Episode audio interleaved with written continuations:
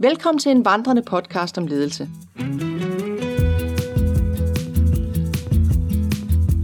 Mit navn er Christine Karlshøj, og jeg er din podcast vært inde. Det er mig, der stiller de coachende spørgsmål til en leder, mens vi vandrer. I podcasten Næste Skridt, der bliver du som lytter inviteret med ind i lederens hemmelige rum, den coachende samtale. Vi tager i hver episode et ledelsesdilemma op, hvor jeg coacher en modig leder i forhold til en ledelsesudfordring. Jeg har skabt en filosofi og en metode til udvikling og forandring. Og den filosofi bruger jeg i podcasten til at se mennesker som unikke individer. Det sidste spørgsmål i podcasten er altid, hvad er dit næste skridt?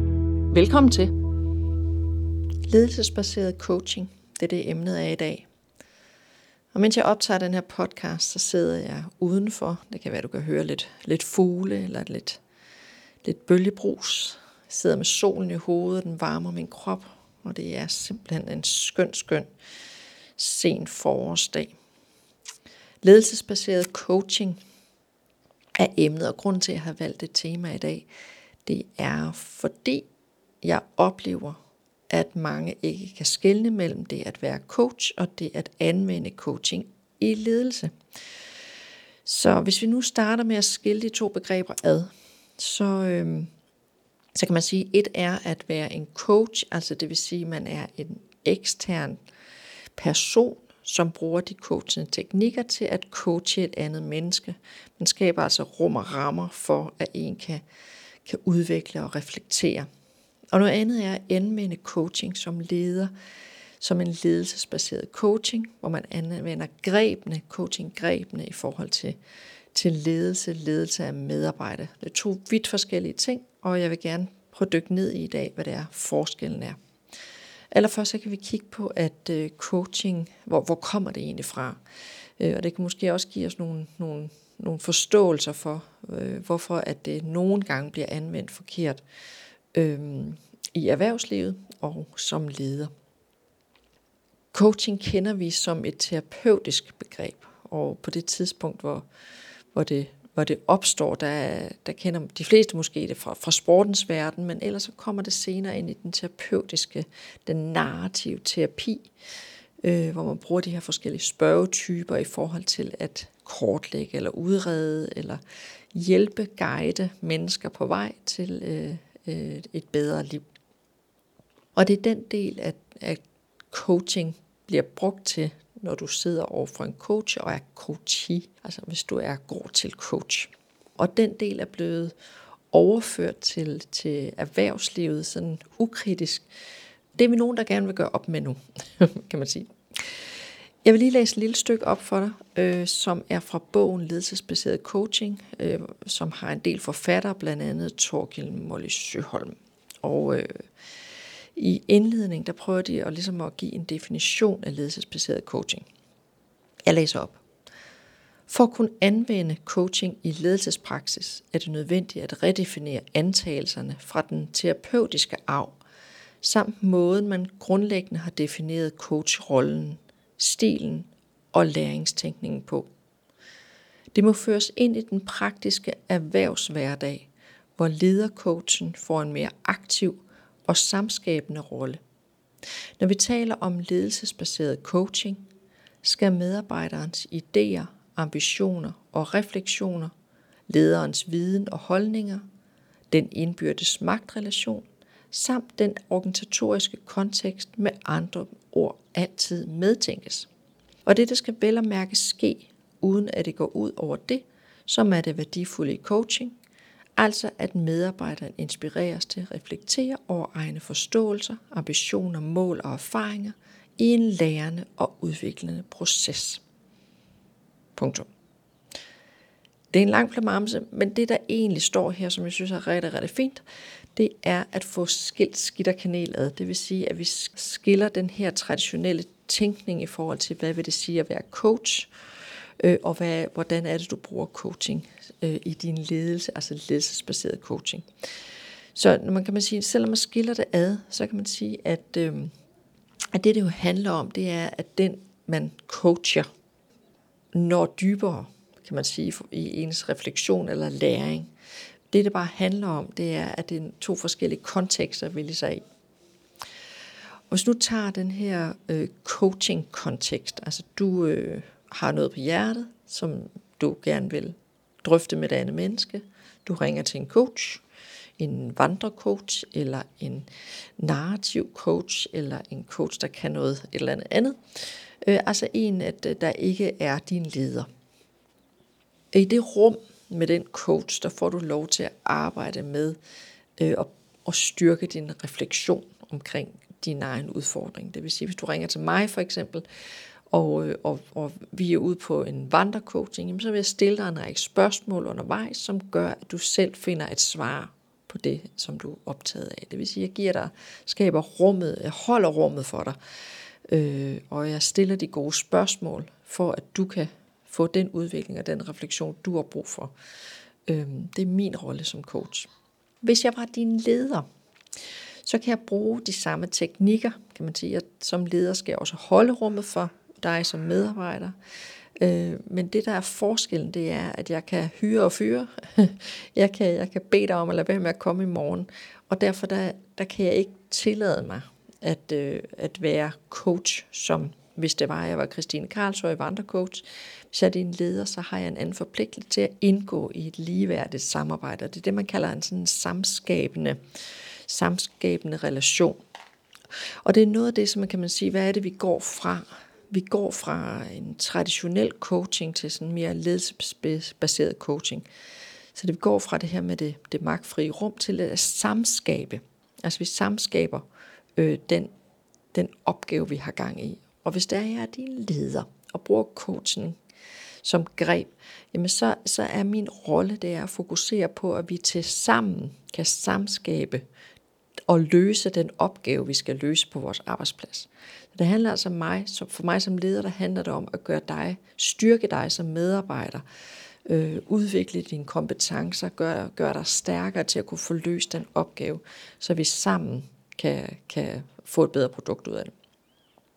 Så vi går altså fra det her med at, at, at, at få etableret det her magtfrie rum, som man gør mellem coach og coachee, til ligesom at lave den her samskabelse. Og så går vi også fra det her med, at øh, en coach, øh, hvis jeg som coach, Christine K., vandrecoach, øh, vandrer med dig, jamen så, så, så er mit fokus at generere den største selvindsigt og personlig udvikling hos dig.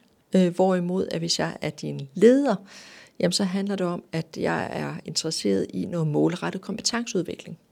Det vil sige, at du som medarbejder, din rolle er at blive dygtigere til dit arbejde, og det kan jeg som leder hjælpe dig med.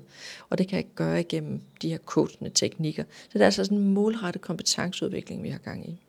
Og så kan man sige, at vi går fra det her med, at, øh, at som coach, Christine Karlshøj som vandrecoach, stiller de her, har de her forskellige coaching-teknikker, som jeg kan bruge, hvis vi er ude på en vandretur, til hvis jeg er din leder, jamen så integrerer jeg coaching-teknikkerne i min ledelsesstil, altså min ledelsesfilosofi, så bliver det sådan en måde, at jeg er leder på, den metode, jeg bruger. Og det er derfor, vi kalder det ledelsesbaseret coaching, fordi det bliver en stil, jeg får som leder, at bruge de coaching-teknikker. Se, der er en model, som faktisk øh, holder rigtig godt, øh, som øh, måske er helt tilbage fra, fra 80'erne engang, men øh, dengang man snakkede, eller dengang, at øh, hele det her ledelsesbaserede coaching, øh, eller dengang man gik fra coaching til ledelsesbaseret coaching, hvor, hvor vi snakkede om den systemiske tilgang, øh, som vi jo stadigvæk snakker om for øvrigt, der, der var en af de modeller, som jeg rigtig godt kan lide, som er god i forhold til den, det her med at holde rummet i en samtale. Det er den model, der hedder 5F-modellen. Og øh, du har set, sikkert set modellen på, på fremstillet på alle mulige grafiske måder, og jeg skal nok lægge et link til den her i show notes, øh, så du kan gå ind på min hjemmeside og, og se, hvordan den ser ud, for det der har jeg tegnet den til dig. Man kan stille 5F-modellen op, øh, eller jeg gør det ofte ved at tegne fem cirkler, da en samtale ofte er cirkulær. Det vil sige, at øh, samtaler kører sådan lidt i ring. Vi starter et sted og går, hvad vi slutter, men så kan vi faktisk tage en tur til igen i cirklen. Jeg gennemgår lige 5F-modellen, så du får en idé om, hvordan det er, du kan bygge en samtale op. Så hvis du sidder og leder derude og har gerne vil arbejde lidt med ledelsesbaseret coaching, altså bruge coachinggrebene i din ledelse, så er det her et rigtig godt sted at starte, fordi 5F-modellen giver dig sådan en, en god ramme for at tale ind i en udviklingskontekst. Så hvis du er medarbejder og gerne fokuserer på kompetenceudvikling og produktudvikling og samskabelse, så kan 5F-modellen give dig den her ramme. Hold fast og skriv ned. Fase nummer 1. Det første F står for fokuser. Og her der handler det altså om at få defineret den kompetence eller færdighed, som I ønsker at udvikle i samtalen, du og dine medarbejdere. Så det handler altså om at definere den kompetence eller færdighed, som I ønsker at udvikle. Så det der med at sætte, kan man sige, rammen for samtale, hvad er det egentlig, at vi skal have styrket eller skruet op for her? Derefter der går jeg videre til fase 2, som handler om at forstå. Og forstå fasen, der har I fokus på, hvornår det fungerer. Altså, hvor er den bedste praksis? Så forstå handler lidt om at kigge bagud og sige, okay, har vi gjort noget tidligere, som fungerede rigtig godt, som vi kan bruge og blive klogere på. Og det skal du også hjælpe medarbejderne med i den her fase i forhold til at forstå, hvornår noget fungerer rigtig godt. Fase nummer tre hedder forestil. Og i forestilfasen, der handler det om et fokus på det ønskede færdighedsniveau. Altså prøv at kigge lidt frem og sige, hvor, hvis du skulle forestille dig, hvor du gerne vil være, når du er kompetenceudviklet for eksempel. Hvor, hvordan ser det så ud? Så det er noget med at forestille sig fremtiden. Fase 4 handler om at fastslå. Og det er her, at du har fokus på målsætninger.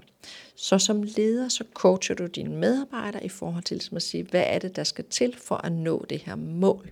Altså fokus på en målsætning i fastslå. Fase nummer 5, det sidste F, står for frigør. Og det her jeg har fokus på at lave handlingsplaner for, og hvordan disse opnås. Så frigør handler egentlig om at frigøre et potentiale.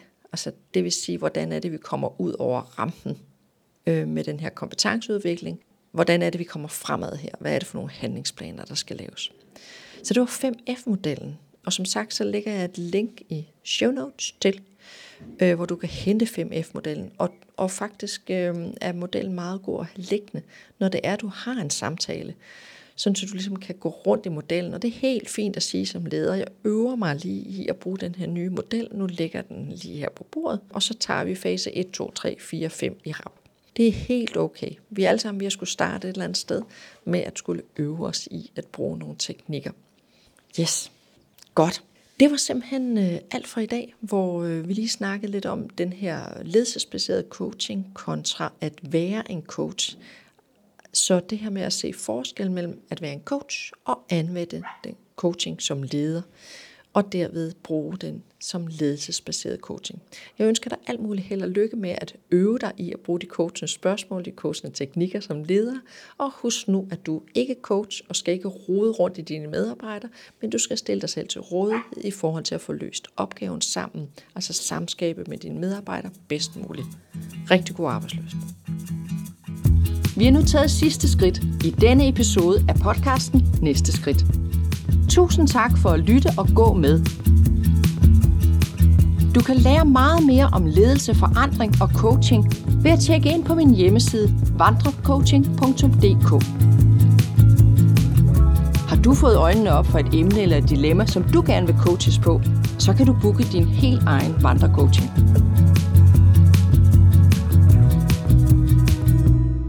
Din podcast vært inde Christine Karlshøj siger på gensyn.